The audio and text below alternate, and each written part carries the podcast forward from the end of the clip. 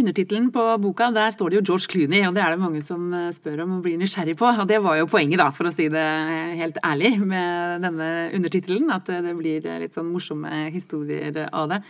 Men fortellingen kommer rett og slett fra et møte i Norges Bank, i oljefondet, eh, hvor det var en del viktige innledere, altså sentrale personer i finansbransjen eh, internasjonalt.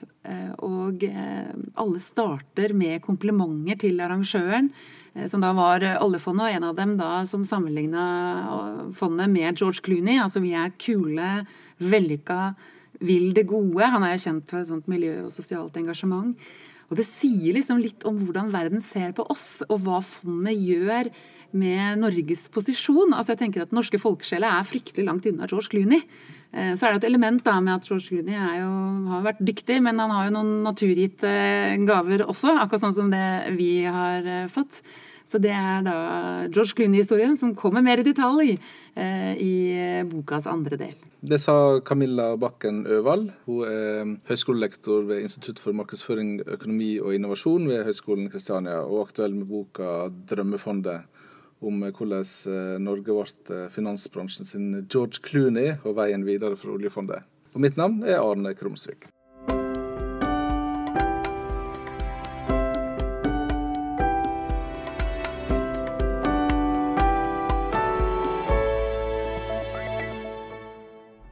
Oljefondet er jo et veldig spennende felt. Altså det er jo fryktelig mye penger på en konto som man kanskje ikke tenker på så mye til daglig, men som har veldig stor påvirkning på norsk økonomi. Og eh, grunnen til at jeg ble interessert i det sånn litt mer enn gjennomsnittet, var nok at jeg ble valgt inn i, som vara til representantskapet i Norges Bank. Da studerte jeg samfunnsøkonomi. Kom inn i økonomiverden litt fordi jeg var internasjonalt interessert opptatt av internasjonal solidaritet eh, i tenåra eh, og studerte økonomi. Og så ble jeg da valgt som vara til representantskapet i Norges Bank. Og fikk lov til å være til stede på en del møter hvor eh, da oljefondet også var et tema. Og der var jeg vara lenge. Så da ble jeg ekstra interessert i, i oljefondet. Og har fulgt det sånn sett ganske, ganske tett i, i, alle disse årene. Og bestemte meg da for at jeg for et par-tre år siden hadde lyst til å skrive en bok om eh, fondet. Fordi jeg er ingen finansøkonom i det hele tatt, jeg er samfunnsøkonom. Men jeg skjønte etter hvert at dette handler jo vel så mye om samfunn, om politikk, om klima, miljø, altså de store spørsmålene når det gjelder forvaltning av penger. Så er det ikke bare de finanstekniske tingene som er viktige, det er eh, eh, alle de andre faktorene også som er sentralt. Så, så, derfor har jeg skrevet denne boka, som er ment for eh, alle som er interessert i, i eh, samfunn og økonomi. Det er, kommer også med en forskningsartikkel, men jeg bruker å si at den er det ikke så veldig mange som kommer til å lese. Jeg får håpe at man leser den også, men det er klart den er litt mer vanskelig tilgjengelig. Mens den boka her er ment for å nå veldig bredt. Men sånne pensjonsfond er jo ofte de verste kapitalistene, for de skal jo egentlig bare øke pensjonen til de som har skutt inn pengene sine mest mulig. Er ikke det det oljefondet også skal gjøre for oss? Jo, Eh, det er jo det. Altså man skal, eh, mandatet er jo å sikre høyest mulig avkastning med et moderat risikonivå. Eh, og dette med å sikre høyest avkastning Man investerer jo da i 9000 selskaper i hele verden. Vi eier 1,4% av verdens kapital. Så, så, det er klart at her ligger det en del problemstillinger. Og det kommer jo også ganske kjapt på bordet da oljefondet gikk inn i aksjemarkedet i 1998 så var det flere som snakka om dette med at vi måtte ta etiske hensyn. Den gangen så var det ganske stor motstand mot det fra Finansdepartementet og politiske partier, de største partiene. Men etter hvert så ble jo dette et viktigere og viktigere tema, både når det gjelder miljø og etiske hensyn. Og fra 2004 så har man tatt da hensyn til eh, hvis et selskap bryter menneskerettighetene eller barnearbeid eller alvorlig miljøødeleggelse, så skal vi altså ikke investere. Men det er klart, vi investerer i 9000 selskaper, og vi har utelukka 125 akkurat nå av disse. Så det er, som jeg skriver her også, at det er nok sannsynligvis altfor få. Så det gjenstår en del i, i, dette arbeidet. Altså det er flere diskusjoner som eh, må på bordet når det er snakk om forvaltning og etisk forvaltning, hensyn til miljø, og hva det faktisk betyr, og hvordan vi kan løse det i praksis. Men hva slags eh, påvirkningskraft har den egentlig ved å la være å investere? Nei, altså det er nå én mulig påvirkningskraft. Altså kapital, det gir jo makt. Eh, det er en sterk muskel i økonomien, men det er klart at eh, kapital det er også et begrensa virkemiddel. Og sånn som nå, når det er såpass få selskaper som er utelukka, så er nok den praktiske konsekvensen ikke all verden, men symbolsk har den jo vært veldig stor. F.eks. da vi kasta ut Walmart, et gigantisk amerikansk selskap, så ble jo ambassadøren her i Norge rasende og mente at dette var eh, innblanding av en eh, stat i anliggelser som eh, vi ikke burde ha noe med å gjøre. Så, så signaleffekten er, er, ganske stor. Oljefondet ble jo godt kjent i verden også pga. de var tidlig ute med den type hensyn i forvaltninga. I dag er det mye mer vanlig, særlig å tenke dette med klima som har kommet eh, mer på dagsorden og er eh, ofte eh, integrert i den finansielle beslutninga som tas. Men den gangen i 2004 så var det forholdsvis nytt.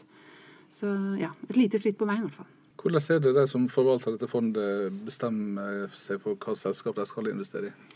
Det er det Finansdepartementet som i stor grad allerede har bestemt.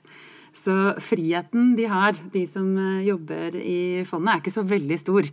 Ehm, Finansdepartementet har da bestemt en liste, det som kalles en indeks.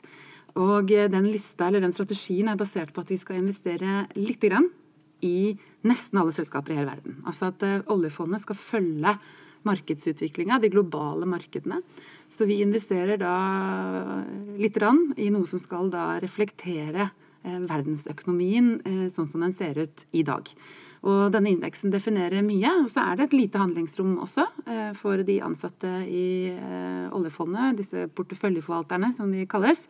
Eh, det er også noen eksterne som har ansvaret f.eks. for, for framvoksende markeder hvor ikke det er indekser som kan dekke. Miljøselskaper og en del andre, andre investeringsoppdrag som, hvor friheten er litt større. Fortell litt om hvordan du gikk fram når du skulle skrive en slik bok. Ja, Um, først, eh, Det jeg hadde lyst til, var jo å fortelle historien om forvaltninga av fondet i dag. Så jeg begynte der med å prøve å få kontakt eh, med noen eh, i oljefondet. Og spørre og, si, og love at jeg skulle følge alle retningslinjer, men at jeg gjerne ville snakke med ansatte. Og reise rundt på kontorene og i et slags sånn folkeopplysningsprosjekt og forklare folk hvordan er det egentlig forvaltninga foregår. Jeg har jo da sier at jeg forklarer oljefondets døgn fra finansmarkedene åpner i Asia. Så det er jo en slags reiseskildring, men det er jo mye sånn snikøkonomisering da, på nesten hver eneste side med hva er finansforvaltning, hvor kommer markedene fra, helt fra børsen i Amsterdam starta, ehm, og eh, fram til i dag. Så, så, det var et folkeopplysningsprosjekt. Ehm, så ble jeg også involvert i et forskningsprosjekt hvor vi har sett på hvordan var det fondet ble til. Altså hvordan klarer politikerne å beherske bruken av penger, som det jo faktisk er. Altså vi har masse penger på en konto. Alle veit åssen det er å ha penger på en sparekonto. Det er ikke så lett å la være å bruke dem når er, man skulle tenke og mene og føle at det trengs.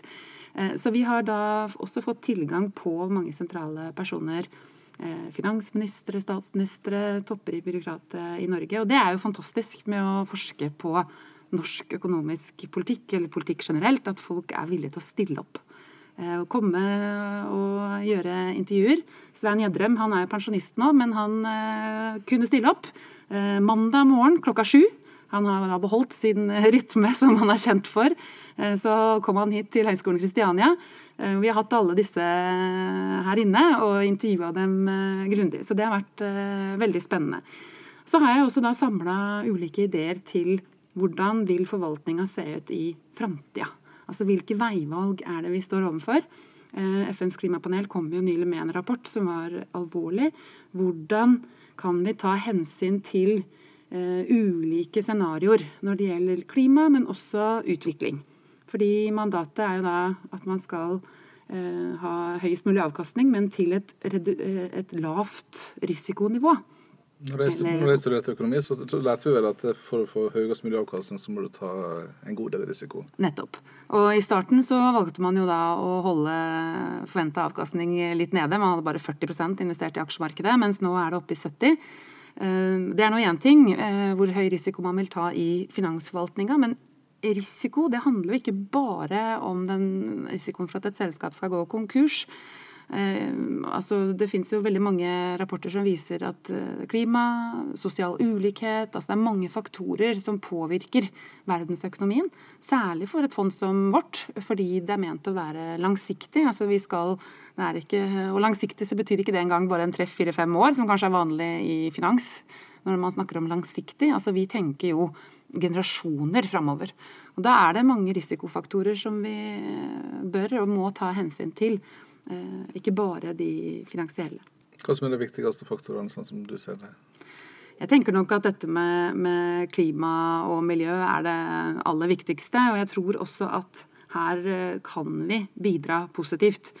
Og miljøinvesteringene I dag så investerer vi 74 milliarder allerede i miljøselskaper. Dette var et tiltak som ble innført for ti år siden. Da trodde man at eh, risikoen kom til å være høyere, og også at forventa avkastning kanskje ikke var så høy. Fordi den gangen så var det ingen som eh, Det var ikke så mange som kjørte Tesla, for å si det sånn. Så markedet har jo endra seg eh, ganske mye i løpet av disse ti åra. Så i fjor så var investeringene i miljøselskaper så var avkastningen faktisk høyere enn resten av porteføljen. Så Det sier jo noe om at hvis man tør ta eh, litt sjanser, så er det, det er vanskelig å spå, særlig om framtida, er det jo et kjent uttrykk som sier. og men det vi vet er at vi må gjøre ganske drastiske endringer. Og oljefondet har altså muligheten til å kunne gjøre det. Og et av de forslagene som jeg mener er fornuftig, er jo at man eh, skal ha noen prinsipper når det gjelder miljø og klima for å kunne inngå i det som kalles da vårt eh, investeringsunivers. Det vil si at, ikke, at, vi ikke bare luker ut verstinger, men at vi snur bevisbyrden. For å bli med i indeksen som definerer hvilke selskaper vi skal investere i, så må, altså da, så må det være noen helt grunnleggende kriterier som ligger til grunn. Men det er en ny måte å tenke forvaltning på, så det blir spennende å se om, eh, hvordan dette kan løses i praksis. Eh, er en utfordring, men nå er jo ny teknologi, big data altså Dette gjør jo muligheten til å skaffe uh, informasjon som vi kan stole på, kvalitetsinformasjon, det, det blir enklere. Så her finnes det muligheter som kan ha en betydning. Dette fondet investerer både i aksjer, og så låner de ut penger, altså obligasjoner. Mm. Og nylig så bestemte de seg for å putte mer i aksjer. Ja. Det betyr at de tar mer risiko og gambler litt mer. Ja. Det økte altså da fra 60 til 70 eh, i fjor, eh, 2017. Og eh, det er jo ulike vurderinger som ligger til grunn for en sånn beslutning. Altså Forventa avkastning blir høyere. Og det er klart at det er fristende at man da satser litt mer i aksjemarkedet. Det øker den forventa avkastningen, men det er viktig å huske på at det er jo ikke det samme som den faktiske avkastningen. Det som gjør det litt bekymringsfullt, er at samtidig som da politikerne eller Stortinget da eh, var enig i denne beslutningen, så gikk også forventa avkastning til fondet ned fra fire til tre. Fordi det er usikkerhet i markedet, eh, det er usikkerhet i den internasjonale økonomien. Det er mange faktorer som bidrar til det. En av dem er jo klima, men også når vi ser på Trump og Kina, og det er eh, usikkerhet, politisk ustabilitet også, som, som, påvirker internasjonale markeder negativt. Og forventningene til global vekst er lavere enn det har vært på lenge. Så, så i, i, det perspektivet så er jeg enig med dem som sier at man eh, burde være mer forsiktig. Eh, det ble jo foreslått også eh, av professor Knut Anton Mork å redusere aksjeandelen til 50. Det er flere andre som også har tatt til orde for at man i hvert fall ikke burde øke den, da, sånn som man gjorde. Det er, men det er krevende for politikere også å ta valg, beslutninger, som reduserer den forventa avkastningen. Men jeg tror det er en av de viktige utfordringene for politikerne framover. Vi har klart nå i 20 år å ikke bruke opp penga. Hatt strenge retningslinjer på det. Og en av de største utfordringene framover for politikerne blir nok å klare å la være å ta altfor stor risiko Eh, når forventa avkastning eh, reduseres noe. Altså Vi kan ikke fortsette å svare med å ta enda høyere risiko. I hvert fall ikke hvis vi skal fortsette å ha den strategien som ligger til grunn nå. Eh, det betyr at fondet skal være langsiktig, man skal ha en moderat risikonivå. Så får man heller ta en diskusjon om det er et prinsipp man er villig til å endre. Det kan jo mange mene noe om, men det er viktig å vite at det er det man faktisk gjør at man går litt bort fra den tankegangen som eh, var viktig den gangen fondet ble etablert, hvis man fortsetter å øke risiko. Du nevnte at de som hadde ideene til dette, her, og som, som etablerte det, er i ferd med å bli pensjonister. Ja. Så det er en ny generasjon som nå forvalter dette her. Ja, det er det. Tror du de klarer å holde fingrene av fatet på samme måte som vi har gjort nå de siste åra? Så langt så ser det jo sånn ut, da. Eh, det er jo, Frp var vel det partiet som var mest skeptisk til å binde bruken av pengene. Og nå har jo Siv Jensen som finansminister vist at eh, hun ikke har økt utover denne handlingsregelen, som da sier at man kan bruke eh, tilsvarende avkastning, forventa avkastning av fondet. På i dag 3% Men det er klart at det er lettere å gjøre det så lenge fondet øker i størrelse. Eh, kakebiten blir, eh, den blir jo, Hvis man har en prosentandel, så blir kakebiten større òg når kaka vokser. Så den virkelige utfordringa kommer jo eh, hvis fondet krymper litt. Det har vi jo sett den høsten her. Da boka gikk i trykken, så i midten av september så var fondet på 8500 i markedsverdi. Eh, altså 8500 milliarder kroner. det er fort å blande noen nuller når det er snakk om så store størrelser. Men, eh, men nå, og nå er den nede på da, har vært nede i 8100 milliarder, så det er klart at det vil være svingninger. Men hvis man ser en sånn vedvarende eh, reduksjon, så vil det bli tøffere. Fordi da må man begynne å kutte i statsbudsjettet, og det er det mange år siden eh, en finansminister har vært tvunget til å gjøre.